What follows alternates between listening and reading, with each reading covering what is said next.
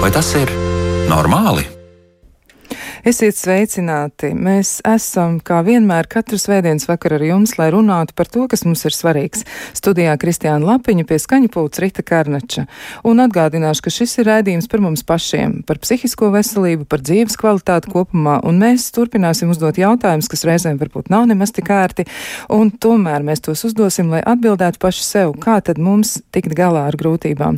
Arī jūs aicinām iesaistīties rēdījuma veidošanā, tajā nozīmē, ka jūs varat sūtīt gan savas idejas, idejas, gan jautājumus, gan arī atziņas vai pārdomas uz raidījuma elektronisko pasta adresi, vai tas ir normāli at Latvijas radio.lv, un varat sūtīt ziņas arī Latvijas radio mājas lapā, atrodot raidījumu, vai tas ir normāli ziņojumu logu.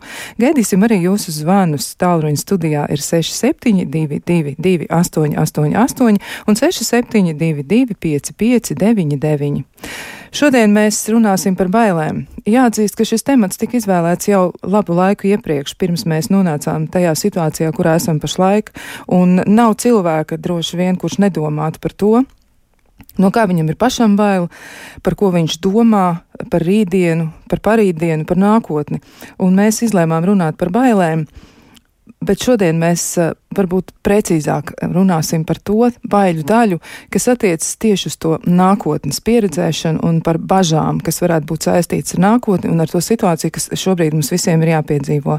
Jo vairāk, protams, par tiem cilvēkiem, kuri ir iesaistīti kara darbībā, kuri ir iesaistīti palīdzības akcijās, kuri atrodas uz vietas aktīvajās zonās, kur notiek militāras darbības, tiem cilvēkiem klājas visgrūtāk. Taču arī tie, kas ir blakus vai tie, kas ir vairāku simtu kilometru attālumā, arī turpina lauzīt galvu par to, kas īsti notiks.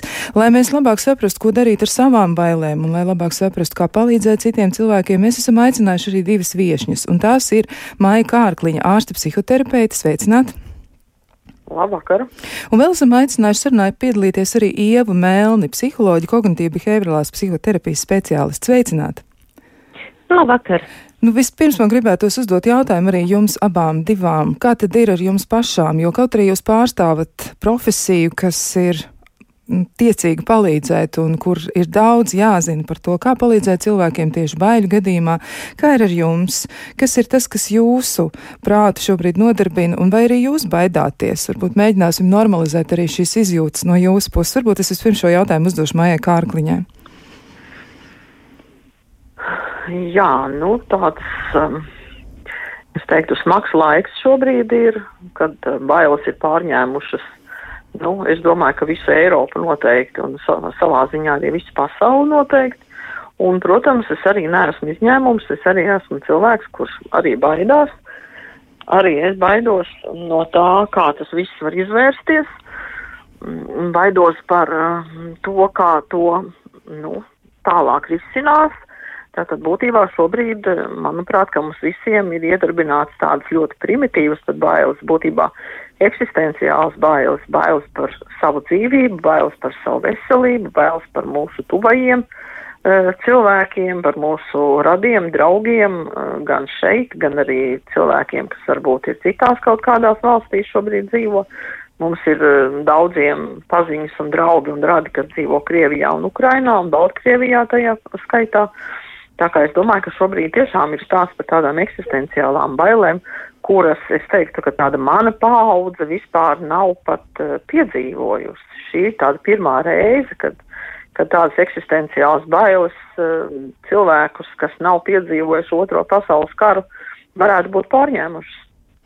Jā, tā varētu būt. Nu, ir noteikti arī atsaucis tiem cilvēkiem, kuri ir piedzīvojuši pašus savus ādas, cik grūti bija izturēt 1991. gadu.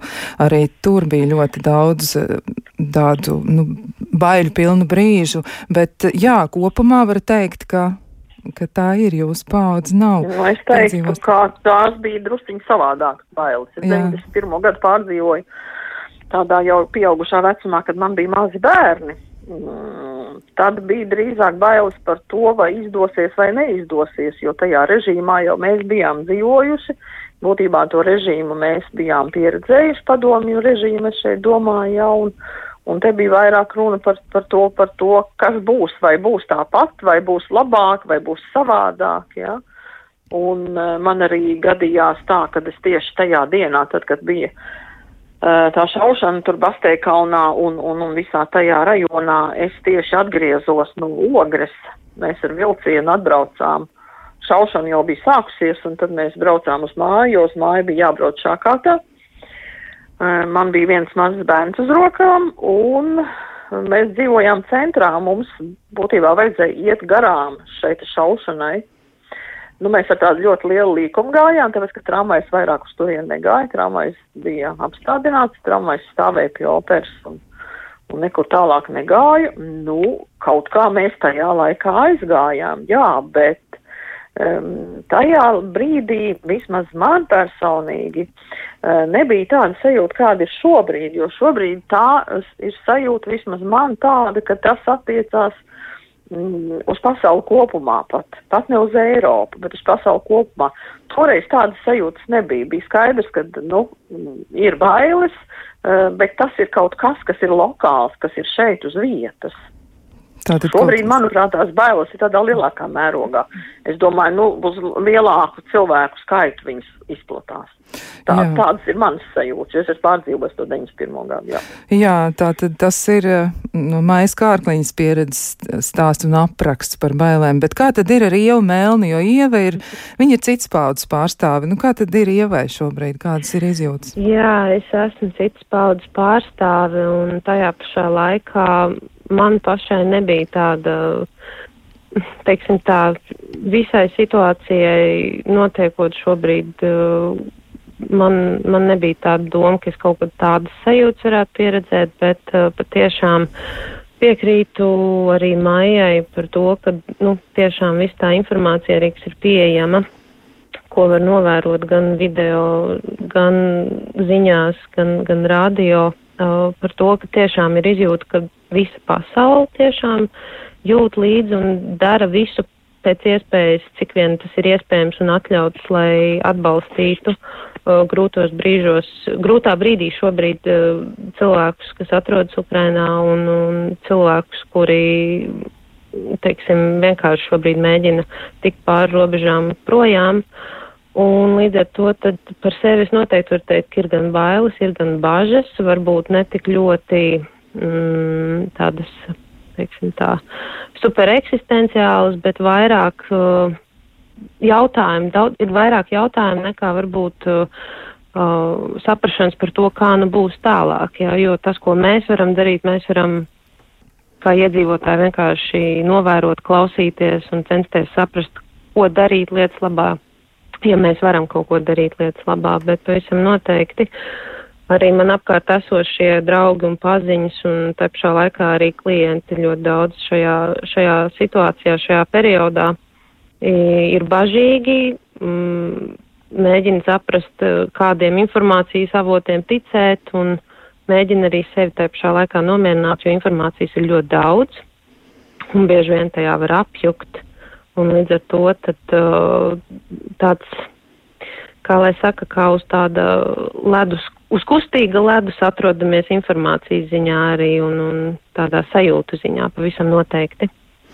Jā, bet mums noteikti vajadzētu saprast bailes un baiļu mehānismu, jo arī klausītāji ir eh, iesaistījušies. Mēs veicām tādu nelielu aptauju, un jāsaka arī, ka lielākā daļa atbilžu ir par eksistenciālām bailēm. Nu, piemēram, par bailēm no kara, no ūdens, no zemūdenēm, eh, no tā, ka cietīs mani bērni, no vardarbības pret viņiem, lai pārmācītu mūs, par to, kas manai meitai, kurai tagad ir viens, eh, viens gadiņš un trīs mēneši būs jāpiedzīvo, un vēl arī tāds nu, savā ziņā tāds interesants formulējums, bet arī liek domāt par nopietnām lietām, ka cilvēks kā būtne neevolucionēs uz apziņas paplašināšanos un paliks rep, reptilīdām smadzenēm, ja tādām, nu tāds, nu tāds, nu, tur mazliet ir sarkasms un joks, bet ir skaidrs, ka tas arī ir par bailēm.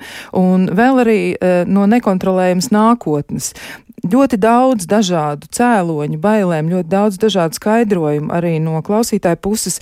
Ko mēs varam saprast par bailēm, kā mums bailes vajadzētu uztvert, kāda vispār ir baiļu mehānika, jeb kam mums ir domātas bailes? Varbūt šo jautājumu adresēšu Maijai Kārkliņai. Kāpēc mums vispār ir jāpiedzīvo bailes, jo nav jau tā, ka mēs bez bailēm spējam iztikt? Nu, bez, bez bailēm mēs pilnīgi noteikti nespējam iztikt. Un bailes jau būtībā ir domātas priekš tam, lai mēs vispār izdzīvotu. Tas ir kā izdzīvošanas mehānisms. Lai mēs izdzīvotu, mums ir vajadzīgas bailes. Jo tās nepārprotam un neizbēgam vērš mūsu uzmanību uz kaut kādām briesmām, šī gadījumā nu, uz kara briesmām. Tātad, ja. Un, nu, nerunājot par baiļu fizioloģiju, ja es domāju, ja mēs par tādu bioloģisko pusi uh, vairāk domājam, ja, tad, tad um, es teiktu, ka um, ir vairākas iespējas, ko mēs varam darīt ar bailēm. Ja. Viena iespēja ir mainīt apstākļus, uh, respektīvi nu, tos, kas izraisa bailes, mēģināt kaut kā pielāgot to pasauli sev. Šī gadījumā to mēs izdarīt īsti nevaram, jo apstākļi ir tādi, kādi ir.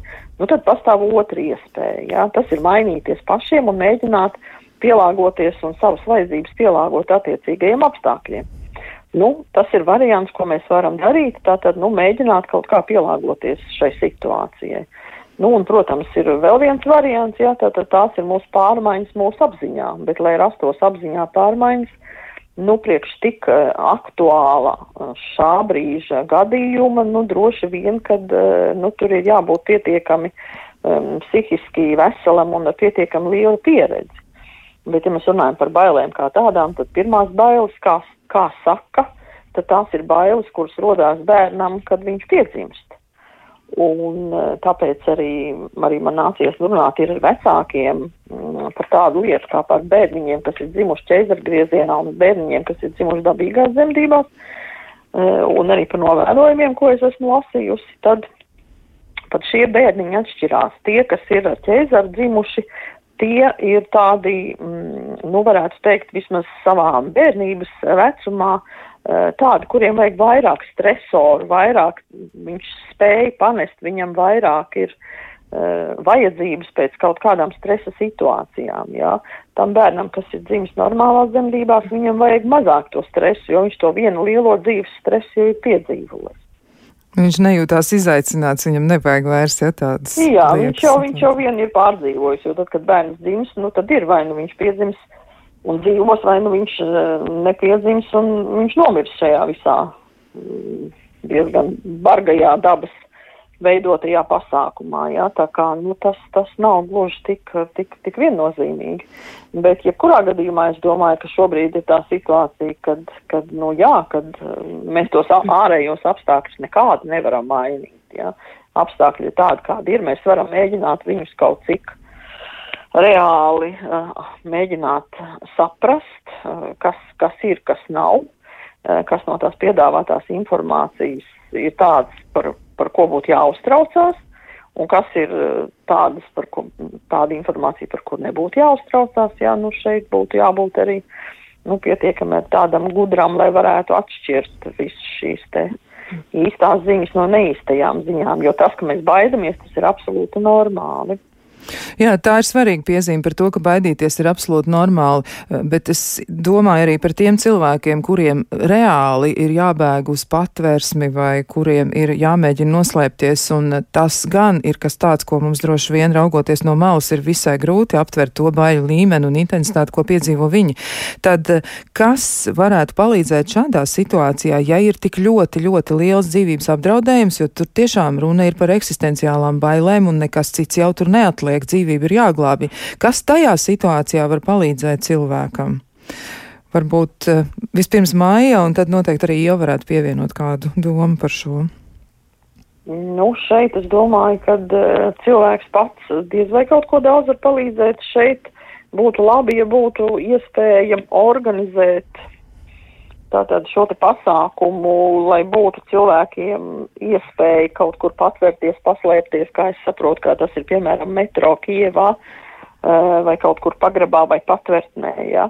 Tātad, eh, nu, šeit organizētībai, ja, jo, nu, viens ir tas, ko mēs paši varam darīt, un otrs ir tas eh, kaut kādi palīgi mehānismi, kas ir, bet bailes, protams, kad viņiem ir, un, protams, kad viņi iet un skrien un dara, nu, lai, lai glābtu savu dzīvību šī gadījumā. Jā, nu, Ieva, kā, kā tad tikt galā ar to, ar to ļoti lielo slodzi, jo tajā brīdī, kad cilvēkam ir bail, viņam ir ļoti maz laika, viņam varbūt dažas milisekundes, un viņam ir jāpieņem lēmums, ko tajā brīdī darīt. Es arī atceros um, gadījumu aprakstu par to, ka izdevās izglābties meitenei tā iemesla dēļ, ka viņa paslēpās mājas iekšienē, un viņa neaizgāja bojā, bet ja viņa būtu pieņēmusi citu lēmumu, tad iespējams, ka viņas vairs nebūtu starp dzīvajiem. Tur ir ļoti maz laika, tad kas palīdz izvēlēties to pareizāko risinājumu? Mm -hmm. Uh, nu, manuprāt, uh, ja mēs koncentrējamies tieši uz šī brīža notikumiem, tad, uh, protams, atrodoties uh, kara situācijā, mm, ir grūti kā, pateikt kaut kādus konkrētus ieteikumus, jo šī situācija nav gluži tāda normāla, vai šī situācija nav tāda, ar kuru cilvēks sastopas dien dienā um, šī situācija ir principā krīze. Un krīzē tas svarīgākais ir, uh, nu, es domāju, tādā psiholoģiskā ziņā sākotnēji aptvert, mēģināt aptvert, uh, kas īsti notiek un kas ir tās lietas, kas man būtu šobrīd jāizdara, lai sevi paglābtu. Jā, sāksim ar to, ka pirmām kārtām bailes paši par sevi uh, tādā pamatā nostrādā kā tāds glābšanās instinkts, jā, un tad šeit mēs varam uh, minēt šo piemēru par to, ja, teiksim, uzbrūk kāds milzīgs zvērs, pieņemsim lautu, tad pirmais būs, ka mēs mēģināsim vai nu cīnīties vai bēgt. Tātad šīs te bioķīmiskās norises liek mums sajust kaut kādas fiziskas reakcijas savā ķermenī, kas mūs mudina cīnīties vai bēgt. Bet citādā ziņā šī krīzes situācija ir sarežģīta, jo tad, kad mēs piedzīvojam kaut kādas šausmas vai, piemēram, uh, bezizējas izjūtu, bezspēcību, tad mēs bieži vien varam piedzīvot arī tādu kā um, tādu miglainu spēju risināt uh, vai tikt galā ar kaut kādām lietām vai pieņemt lēmumus. Un līdz ar to man šķiet, ka nu, tas galvenais būtu noteikti darīt pirmkārtām kaut ko tādu, kur tu saproti, ka es šobrīd varētu sev paglābt. Tātad, uh, kur es varu bēgt, vai ko es varu darīt, vai pie kā man ir jāiet, vai pie, vai pie kā man ir jāvēršas. Un tad, attiecīgi, tad, kad mēs esam nonākuši drošībā, tad, kad cilvēks ir drošībā, tad var domāt par citām lietām, sākotnēji mēģināt arī sevi nomierināt, un tai pašā laikā ir ļoti būtiski balstīties arī uz faktiem kaut kādiem, jā. Un atgriežoties atpakaļ pie bailēm, tātad bailes var būt mm, dabiskā reakcija uz kaut kādiem draudiem, ja atbild uz reāliem draudiem, tai pašā laikā bailes var būt arī uz iedomātiem draudiem. Un šajā situācijā, teiksim, jo grūtāks tas fons, jo lielākoties mēs sākam arī kaut ko mazliet piedomāt klāt, vai, teiksim, ģeneralizēt, jeb vispārināt līdz ar to, ja cilvēks atrodas tādā stāvoklī, ka viņš spēj savākties un mobilizēties, lai spētu mazliet padomāt arī par sevi tajā brīdī, tad ir labi mēģināt atrast šo te miera stāvokli, jeb mēģināt sevi nomierināt. Tas ir sākot ar elpošanu, pēc tam mēģinot saprast, kas, kur, kad, un principā tad domāt tālāk, ko man, ko man darīt, uz kurien iet vai pie kā vērsties. Labi, bet ja mēs domājam par tiem cilvēkiem, kas ir blakus, kas ir tiešām, nu, šeit, ja, kas ir varbūt citur pasaulē, kas nav aktīvajā karadarbības zonā, un viņi tomēr skatās materiālus, viņi lasa visu laiku ziņu lentes, viņi seko līdzi, un daudzi no viņiem atzīst, ka viņi vairs nespēja gulēt. Pirmais, ko viņi dara no rīta pamostoties, viņi meklē kādu ziņu kanālu, mēģina pārliecināties par to, ka pasauli joprojām vēl pastāv. Daži cilvēki vispār nevar vairs gulēt. Tad varbūt mēs varam arī mazliet pieminēt tās sekas, kas ir intensīvai baļu reakcijai, kā tas varētu tālāk izvērsties cilvēka dzīvē. Nu, varbūt var komentēt vispirms Ieva, un tad arī jautāšu Maijai Kārkliņai, kā tas viss izskatās. Uh, nu, sākotnēji pirmais ieteikums būtu, protams, sekot līdzi notikumiem tādā veselīgā veidā. Tā tad ir radio, televīzija, ir uh, ziņas, ko mēs lasām, bet tā pašā laikā būtu ļoti vēlams ierobežot šo te ziņu lasīšanu un iedziļināšanos, kurā kanālā vai kurā portālā tiek rakstīta tāda vai šāda ziņa, jo uh, jo vairāk mēs iedziļināmies, jo vairāk kā, mēs uzturam to trauksmi iekšējo, kas var, teiksim, trauksmi principā ir baiļu rezultāts un uz priekšu un atpakaļ sanāk tā, ka bailes un trauksmi viņas tā kā draudzējas kopā. Un līdz ar to tas būtu pirmais, ko noteikti vajadzētu ierobežot šo te laiku, cik daudz mēs pavadam informācijas uh, vidē. Tas būtu noteikti galvenais. Tad uh, vēl viena būtiska lieta, um, atrodoties, teiksim, tā kā mēs esam šeit, mēs neesam Ukrainā, bet mēs esam šeit, ir ļoti svarīgi arī turpināt ikdienu. Ir ļoti svarīgi uh, ieplānotos plāns realizēt, ir svarīgi turpināt iet uz darbu vai darbs no mājām, turpināt pavadīt laiku ar tuvajiem. Protams, mēs nevaram izslēgt šo faktu, kas, uh, nu, principā par, par šo faktu, kas notiek Ukrainā, domā visu pasauli, bet tajā pašā laikā ir svarīgi saprast, kas notiek šeit un tagad manā dzīvē, kas ir tas, ko es varu darīt, un ir jāsaprot, ka mums šī dzīve turpinās, un ir ļoti labi, ka mēs varam sniegt šo atbalstu, bet ir jāatgriež arī pie realitātes un pie tiem faktiskiem notikumiem, kas skar mani un kas skar manu dzīvi. Nu, tā tad tā ritma saglabāšana arī varētu būt palīdzošs aspekts, ja mēs nepazaudējam to savu dzīvi, jo, ja tas izjūg, tad arī tur varētu padziļināties trauksmes izjūtas noteikti, Jā. vai ne? Jā, nu, Jā. Maija Kārkliņa, ko piebildīs pie šī, kā tad ir? Uh, Nu, es teiktu, ka tā arī ir, kā Ieva saka, jā, kad ir ļoti svarīgi tātad paturēt to, kas, kas ir šobrīd uh, apritē un lietošanā, darīt tās pašas lietas, ko mēs esam darījuši, respektīvi, lai tas režīms mums ir tāds pats. Un, ja mēs jūtam, ka uh, tās informācijas ir par daudz, tad vienkārši minimalizēt šīs te informācijas daudzumu, varbūt tad mēs skatāmies ziņas reizi dienā, bet nevis 25 reizes dienā. Uh, un uh, vienkārši nu, paši apzināti sevi tā kā atdalām no šīs te informācijas uh, pārpilnības, jo, nu, man jāsaka tā varbūt skarbi, ja, bet, uh, nu, beidzot masu mēdījiem ir par, ir par ko rakstīt, ja, ir, par, ir ko rādīt, nu, tad visi ziņu kanāli rāda vienu un to pašu, jo būtībā jau, ja paskatās, es arī paskatījos šīs iepriekšējās dienas televīziju, uh, visi televīzijas kanāli rāda aptuveni vienu un to pašu.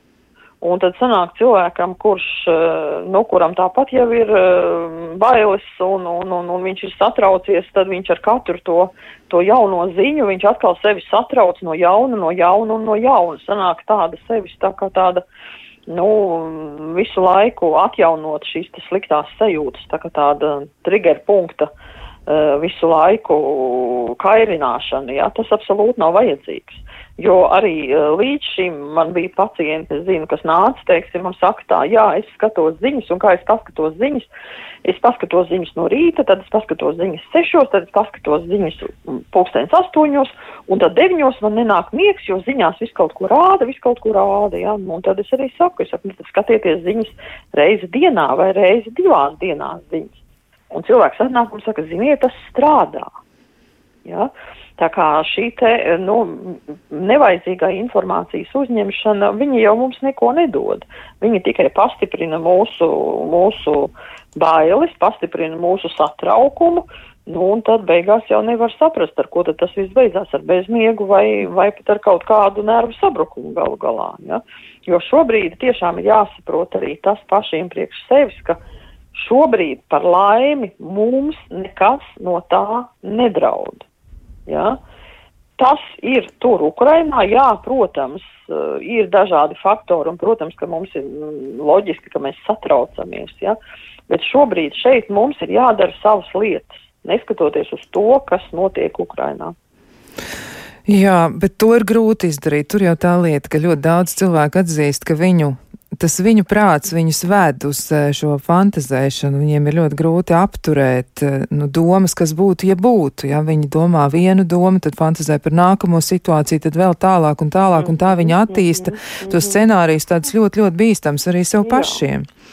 Tā, Jā, nu, tas var jau baidīties no fantāzijas. Tas ir ļoti loģiski. Cilvēki baidās gan no reālām lietām, gan arī no fantāzijām.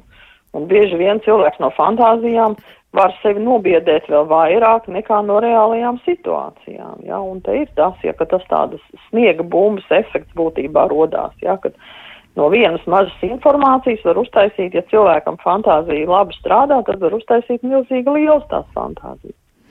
Tā gan ir, bet, eh, nu, ja mēs domājam arī par izvairīšanos no baiļu radītā diskomforta, jo arī tā ir problēma, tad eh, kā tas varētu izpausties? Jo reizēm liekas, ka cilvēki vispār atsakās būt kontaktā ar realitāti, un tā laikam ir otra galējība. Eh, vai tā varētu izpausties arī noliegums, ja cilvēks Jā, noteikti. turpina Noteikti, darīt kaut kādas tur? Citas lietas, nezinu, puķītes Protams, liek jā, joprojām vienkārši, jā, viņš vienkārši neapzināti sevi šādā veidā aizsargā, un viņš vispār izliekās, ka nekas nav noticis.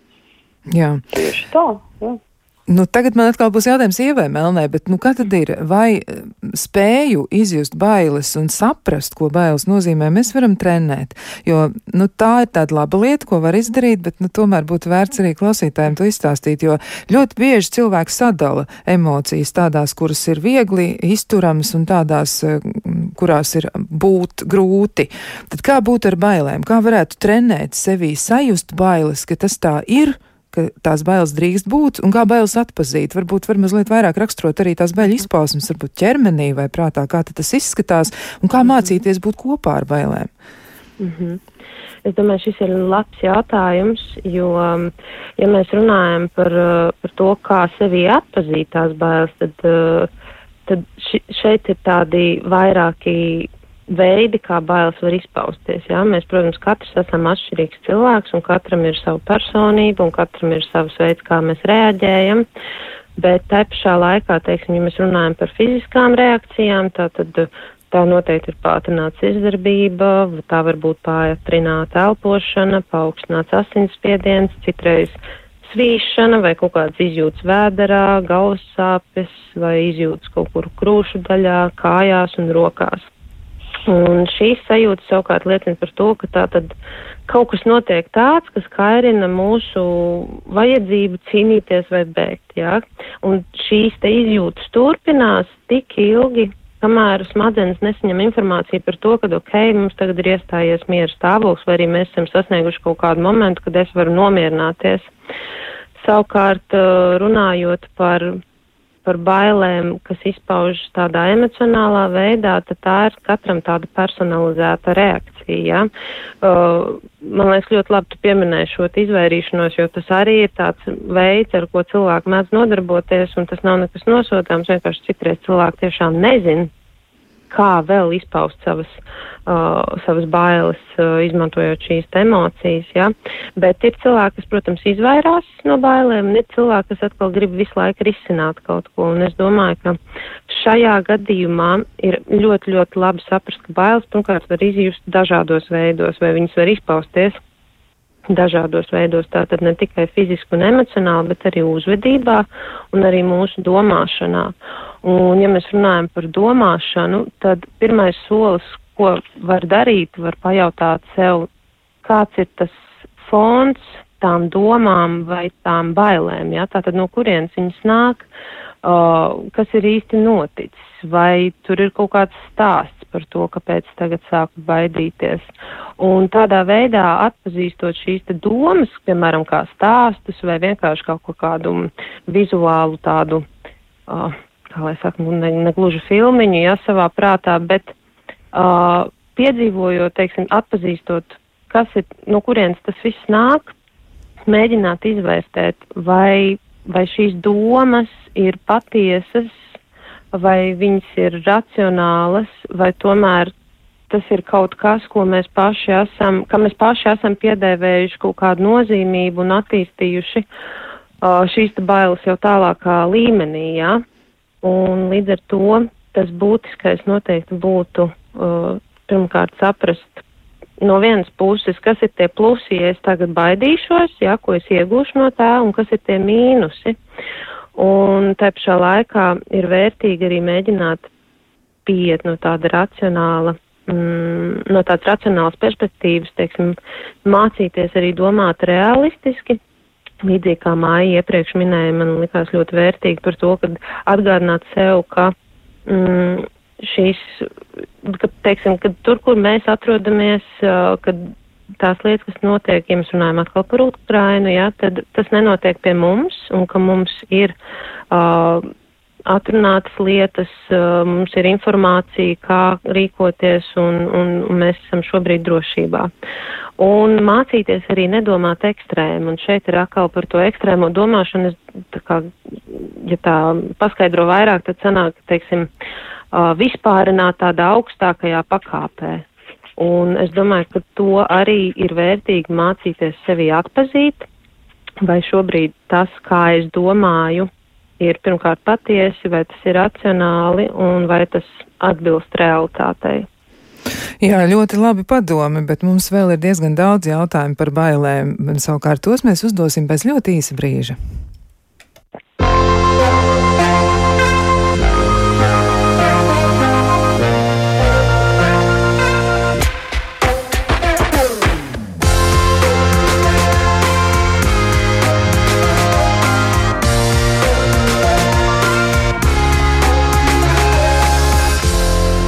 Vai tas ir normāli? Turpinām sarunu par bailēm, kā ar tām sadzīvot, kā tās saprast un kā izmantot arī tajos gadījumos, kad tiešām nāks runāt par jau eksistenciālu līmeni, kur bailes varētu arī būt dzīvības glābējs vai arī glābt mūs no tālākām sekām, kur nāks lauzīt galvu par to, kas tad īsti ar mani notiek un iespējams arī sekas izpaužas turpmākajā dzīvē.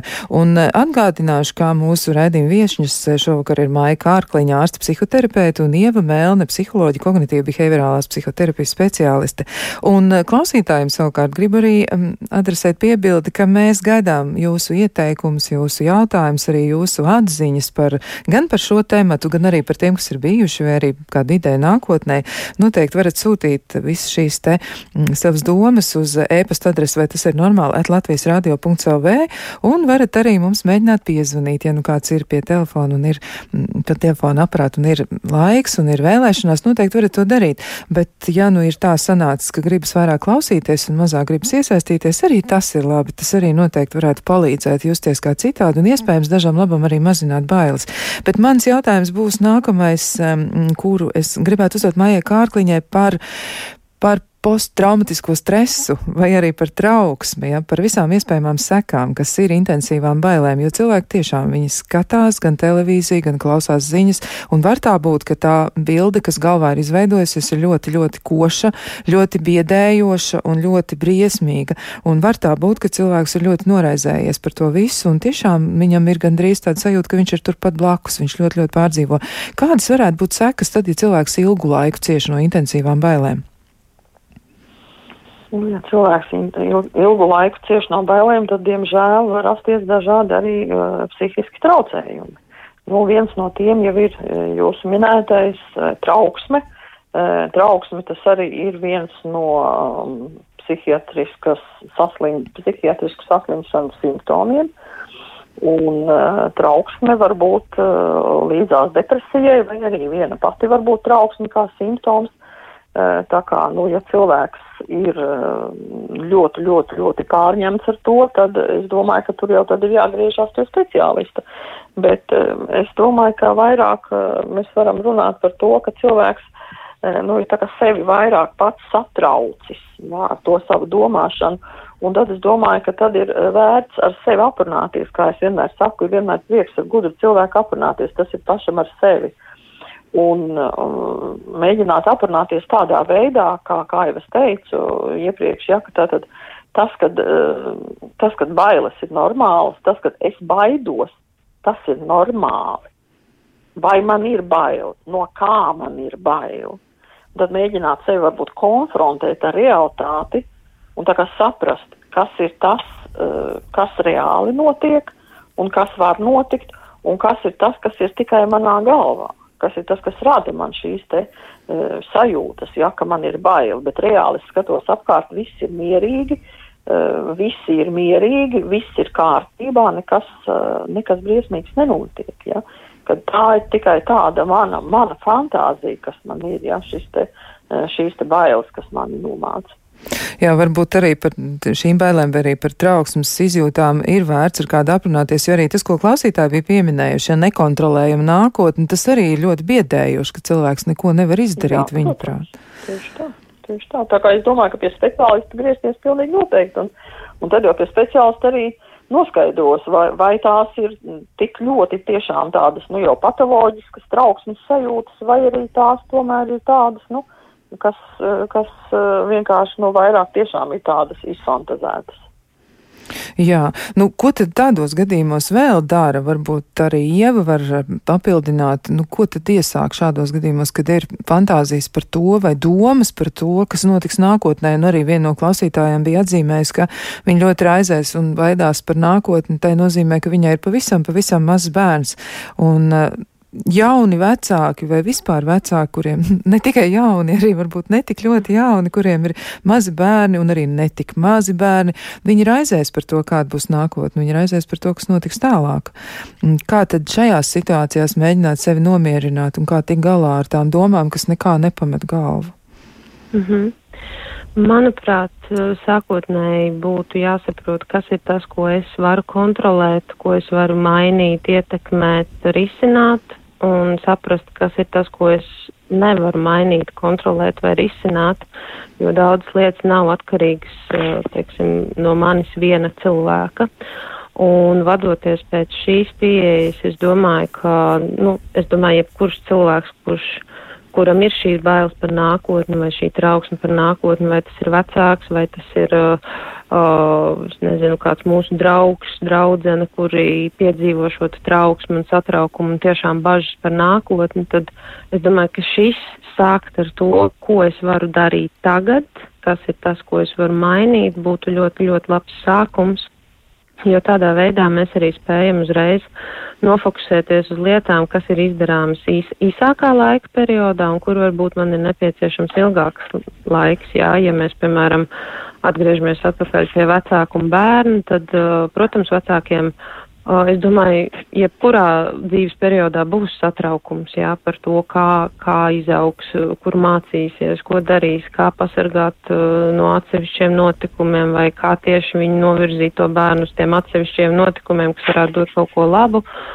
Un man šķiet, ka šeit ir vērtīgi apzināties, pirmkārt, nu, teiksim tā, nepārspīlēt ar savām vēlmēm un idejām, bet skatīties situāciju reāli. Ja, piemēram, vecākam ir plāns, ka es gribētu, lai manam bērnam būtu nodrošināta uh, laba izglītība un ir skaidrs, ka tur ir nepieciešams finanses, tad, protams, tas, ko mēs varam darīt, mēs varam jau sākt kaut ko krāt, ja vien tas ir iespējams. Protams, katram ir atšķirīgas šīs finansiālās iespējas. Uh, Bet, ja mēs domājam par to, kā būs, kā izaugs un, un vēl citas uh, domas uh, par lietām, kuras mēs neviens nezinām, principā, tad uh, mans ieteikums būtu patiešām vairāk fokusēties to, ko es varu darīt tagad, lai šobrīd nodrošinātu sev vai ieteiktu kādam draugam, draudzenei vai nodrošinātu savam bērnam labu dzīvi, kas ir tas, ko es tagad varu darīt un iziet no, no un skatīties šajā perspektīvā, kas ir tas, ko es tagad varu darīt, un ja tas ir ilglaicīgāks mērķis, tad kas ir tās lietas, kas man būtu jādara vai ko es varēšu sākt darīt, varbūt pēc pusgada, pēc gada un tā tālāk. Jā, tas arī ļoti varētu noderēt, bet vēl man jautājums arī par emociju vadīšanu. Mēs zinām, ka emocijas, kuras ir, nu, tādas vieglāk piedzīvojams prieks un tādas jaukas emocijas, tās ir vieglāk vadīt nekā tās, kas izraisa tādas negatīvas izjūtas. Varbūt mēs varam ņemt talkā arī baiļu gadījumā emociju vadīšanas tehnikas, nu, kā mēs varam ar to darboties, jo, ja ir baila, tad ir jāmēģina atrast arī, protams, atbildi, kāpēc un kas ir tie cēloņi, bet varbūt mēs varam ņemt talkā arī citas emocijas emocijas. Tomēr cilvēks spēj to darīt. Varbūt Ieva var mēģināt mm -hmm. precizēt, kā tas būtu jādara.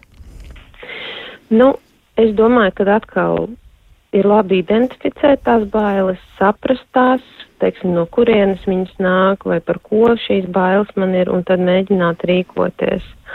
Un tajā pašā laikā, ja mēs runājam par emociju vadību, tad uh, ir ļoti labi, ja cilvēks atpazīst sevī šīs bailes, un tas ir tas, ko es minēju pirms kāda laiciņa, teiksim, saprast, vai man vairāk parādās un izpaužās šīs fiziskās reakcijas, vai man vairāk izpaužās emocijas, vai es tieši domāju vairāk kaut kādā tādā negatīvā veidā, vai arī, teiksim, mūžvedībā kaut kādā tas izpauž. Un līdz ar to apzinoties, kā es izrēģēju, teiksim, šīs bailes, tad mācīties arī saprast, uh, cik, cik liela intensitāte, teiksim, parādās tajā visā, jā, jo bailes arī var iedalīties gan intensitātē, gan ilgumā, un, protams, atkarībā no intensitātes un ilguma mēs varam saprast, kā tikt ar šo visu galā. Un to intensitāti savukārt uh, mazināt, baiļu intensitāti mazināt, mums varam, nu, tur ir jāskatās, vai, teiksim, mēs atrodamies uh, situācijā, kur mēs nemitīgi saskaramies ar šo triggeri, jeb šo te, nezinu, situāciju, cilvēku, objektu, ja, kas mums rada šīs te bailes, vai mēs varam kaut ko vispār darīt lietas labā, un šis ir jautājums atkal par iespēju kaut ko kontrolēt un ietekmēt, un vai mēs, teiksim, vai mēs varam izvairīties no tās situācijas, bet tādā veselīgā veidā, ja, lai nevis sevi turpinātu kairināt šajā situācijā, bet vienkārši atbrīvot sevi. Bet redz, kā ir dzīve pati visu liek tā, kā liek, un uh, klausītāji arī raksta mums, ka ir sagadījies tā, ka kolēģis darbā ir no Ukrainas. Viņam ir 15 gadīgs dēls, un tur ir tā, ka dēls jau divas diennakts sēž pagrabā visu laiku Krievu raķetes. Vakar runāja ar puisi ļoti, ļoti smagi. Nu tad lūk, kā tad būt, kā tad būt šādā situācijā, kā sniegt atbalstu cilvēkam, kurš tiešām šajā brīdī visticamāk ļoti cieši no bailēm. Puisim ir tikai 15 gadu, viņa dzīve ir tikko sākusies. Ieva, kas būtu tas, mm -hmm. un varbūt arī mājai būs kāds padoms? Es domāju, ka ļoti svarīgi ir arī runāt, e, runāt par notiekošo situāciju, un šeit es nedomāju pārunāt visas uh, grūtās lietas uh, un, un tās lietas, kas ir ārkārtīgi, varbūt dažkārt, varbūt dažiem cilvēkiem tas ir šausminoši, bet ir ļoti, ļoti svarīgi, ka ir kāds, ar ko es varu parunāt, jā. Um, ka ir kāds, uh, kas varbūt man var sniegt atbalstu tādā situācijā, morālu, emocionālu. Um, tāpat arī, ja mēs šobrīd runājam par to, vai es pareizi saprotu, mēs runājam par to kolēģi. Ja? Mēs runājam par kolēģi, kurš, Jā. kurš viņa dēls atrodas pagrabā. Mm -hmm. ja? Viņu, viņa, nu, tas ir tātad pusaudzis, un viņš ir tas, kurš, kurš šobrīd ļoti, ļoti cieš no šī visa. Mm -hmm. nu, es domāju, ka šajā situācijā ir noteikti runāšana. Ja tas ir iespējams, tad uh, ir vērts uh, runāt par to, dalīties, ļaut, teiksim, tā emocijām izrēģēties laukā, lai tas viss nepaliek kaut kur iekšā, jo visas emocijas, ko mēs paturam sevi un nepadalāmies, tas kaut kādā brīdī var izvērsties uh, grūtākos veidos, un, un es domāju, ka labāk ir sākt tagad izrēģēt to visu ārā, nekā paturēt sevī. Jā, Maija Kārkliņa, ko varētu piebilst, kā šādā situācijā palīdzēt? Jā, nu pirmkārt ir tā tad uh, dalīties, dalīties emocijās, dalīties savās sajūtās, uh, nu, būt uh, būt pieņemošiem tādā ziņā, kā uzklausīt šīs sajūtas, kādas ir šim te puisim, un pastāstīt arī par savām sajūtām, jā, tā kā apmainīties ar šīm sajūtām, dalīties un, un arī runāt par to, ka, nu, ka tas, ka viņš baidās un tas, ka es baidos un tas, ka mēs visi baidamies, ka šajā brīdī tas ir normāli. Jā. Kad, kad tas, kas ar viņu notiek, jo bieži vien jau cilvēkiem m, bailes Plus vēl rada tas, ka viņiem liekas, ka viņi netiek ar kaut ko galā, ka viņi tāpēc nav īsti normāli un ka, nu, ka viņi tā kā tādi lūzeri zaudētāji, ka viņi, ka viņi nevar kaut ko izturēt. Ja. Runāt par to, ka, ka tas, ka, ka, ka šādā situācijā cilvēkam ir bail, ka tas ir normāli un ka tā cilvēks var justies šajā situācijā un ka viņš arī tas, ka viņam ir bailes, ka tas ir normāli, bet eh, nu, tas karš kaut kad beigsies un tas no tā pagraba varēs iziet ārā. Ja? Tā kā es domāju, ka nu, tā dalīšanās, dalīšanās ar savām emocijām, nevis, nevis teikšana nebaidies, ja, bet taisn otrādi teikšana, ka jā, man arī ir bail, bet ka tas, ka mums šobrīd ir bail, ka tas ir normāli. Es domāju, ka tas ir tāds vēstījums, nu, ko ir ļoti svarīgi tam cilvēkam, kurš šādā situācijā ir nonācis pastāstīt. Jo viņš cīnās ne tikai ar savām bailēm, bet viņš jau cīnās ar to, lai parādītu citiem, ka viņam nav bailes. Lai nav šī dubultā cīņa, lai nav šīs cīņa ar veidzinavām būtībā. Ja? Bet tas, ka baidīties ir normāli šajā situācijā. Jā, varbūt arī te palīdzētu klātība, kā ir, Ieva, varbūt arī no savas puses kaut ko var sacīt, jo liekas, ka tur nav ko aplinks runāt, viņam ir bail no nāves, viņam ir bail Bet, mirt. Protams, par to ir arī jārunā, ir Jā. jārunā par visu, kas ir šajā situācijā svarīgs. Jā, Ieva, varbūt arī ko piebildīsi, kā ir ar to, ar to spēju būt atklātiem. Jā, es domāju, ka šādās situācijās un vispār dzīvē ir labi būt atklātiem, jo ir, protams, atsevišķi momenti, kad mēs gribam radīt iespaidu par sevi vai mm, iemācīt kaut ko otram cilvēkam, nesakot visu līdz galam un sakot, ka viss ir kārtībā un viss ir ļoti labi un, un tas, es nezinu, tagad pārspīlējot, ja, tas ir sīkums un tā tālāk. Tas nav īsti palīdzoši. Tad, kad cilvēks piedzīvo krīzi, tad, kad cilvēks piedzīvo tiešām bailes un tādas bailes, kuras varbūt viņš nekad dzīvē nav piedzīvojis, tad labākais, ko var darīt, ir patiešām būt atklātiem, dalīties ar savām sajūtām, ar savām emocijām, arī ar savām domām, piedāvāt iespēju uzklausīt vienkārši, varbūt pat neatbildēt neko, bet vienkārši, ka tu esi gatavs uzklausīt otru cilvēku, tu esi gatavs pasēdēt plecu pie pleca, um, ja tāda iespēja ir, jā, un uh, dalīties par to, ka jā, ka tā ir normāla reakcija nenormālā situācijā baidīties. Un tā atklātība arī ļoti palīdz citiem atvērties.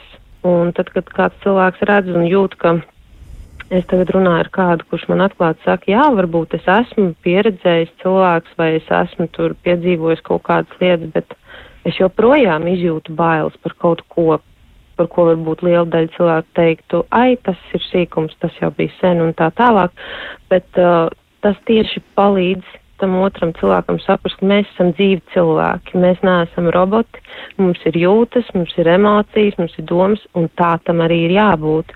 Un tas ir pilnīgi loģiski un adekvāti, ka mēs par to runājam. Tas nav nekāds noslēpums pateikt, ka es nezinu, piemēram, ko darīt.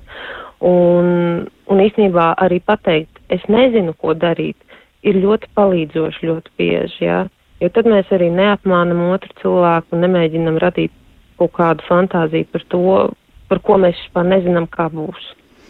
Daži cilvēki saka, ka viņiem palīdz arī kaut kāds baiļu pretmets, jo reizēm ir tā, ka bailēm talkā nāk dusmas un kaut kas par aizskartajām robežām, par aizskartajām vērtībām un par to, kas ir atņemts un kas tiek apdraudēts. Vai tā varētu būt, ka mēs arī dusmas varam izmantot kā palīgu, lai stabilizētu sevi baiļu situācijā, jo arī dusmoties ir normāli? Kā tas varētu būt? Varbūt māja kārkliņa tuvojoties sarunas noslēgumam Nu, varētu kaut ko zinām, tad visas emocijas ir normālas.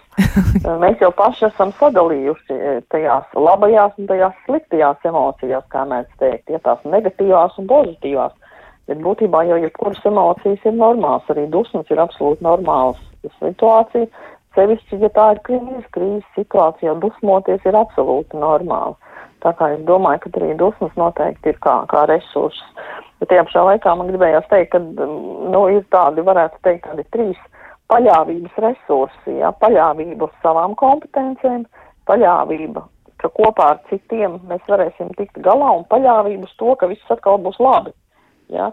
Un es domāju, ka šeit ir jāmēģina salikt to visu kopā, ja, gan, gan šo te savu kompetenci, gan šo te ja, kopējo kompetenci, gan, gan arī to, ka gala beigās viss būs labi un kaut kad tas viss beigsies. Ja.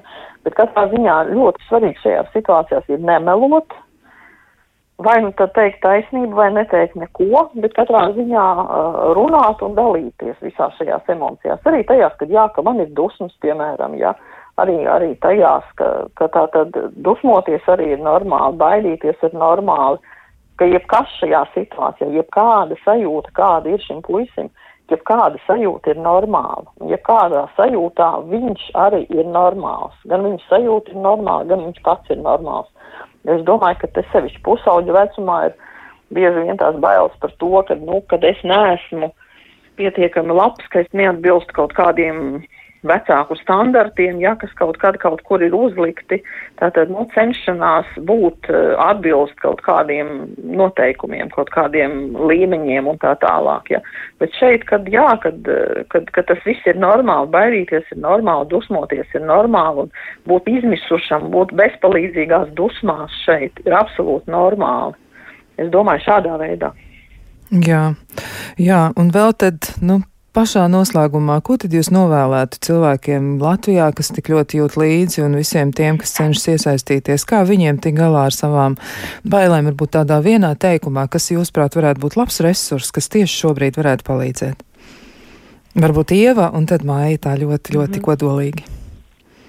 Um, nu, pirmais, ko man gribētos pateikt, ir uh, mācīties noturēt savā ikdienā mieru. Un ar mieru es domāju tādu savu gan psiholoģisko stabilitāti, gan arī, teiksim, arī ar lēmumu pieņemšanu tādu mieru. Un vēl ko man gribas pateikt, ir uh, mēģināt arī būt ar tādu vēsu prātu, ja ir nepieciešams vai ir vēlēšanās sniegt atbalstu, un ja tādas iespējas ir noteikti to darīt, uh, bet citādāk um, mēģināt arī fokusēties uz tām lietām, kas notiek ar mums pašiem, un neaizmirst pašiem par sevi noteikti. Labi, un Maija Kārkliņa ļoti īsi, burtiski divos vārdos. Jā, nu es būšu ļoti īsi, jā. Es domāju, ka tā pamatdoma ir tāda, ka arī vistumšākajā istabā mēģināt atrast tomēr to saules stariņu, to zelta maliņu, to to gaismu, kas kaut kur noteikti ir. Jā, gaismu jāmēģina saskatīt. Es saku paldies gan Maijai Kārkliņai, gan arī Ievai Melnai, un saku paldies arī visiem klausītājiem, kur iesaistījās, kur klausījās, kur bija kopā ar mums. Mēs savukārt tiksimies jau pēc nedēļas, un cerams, ka tad mūsu skats uz dzīvi būs jau citāds, un ļoti, ļoti cerams, ka gaišāks. Lai kā tur būtu, mēs esam ar jums. Līdz nākamajai nedēļai. Atā!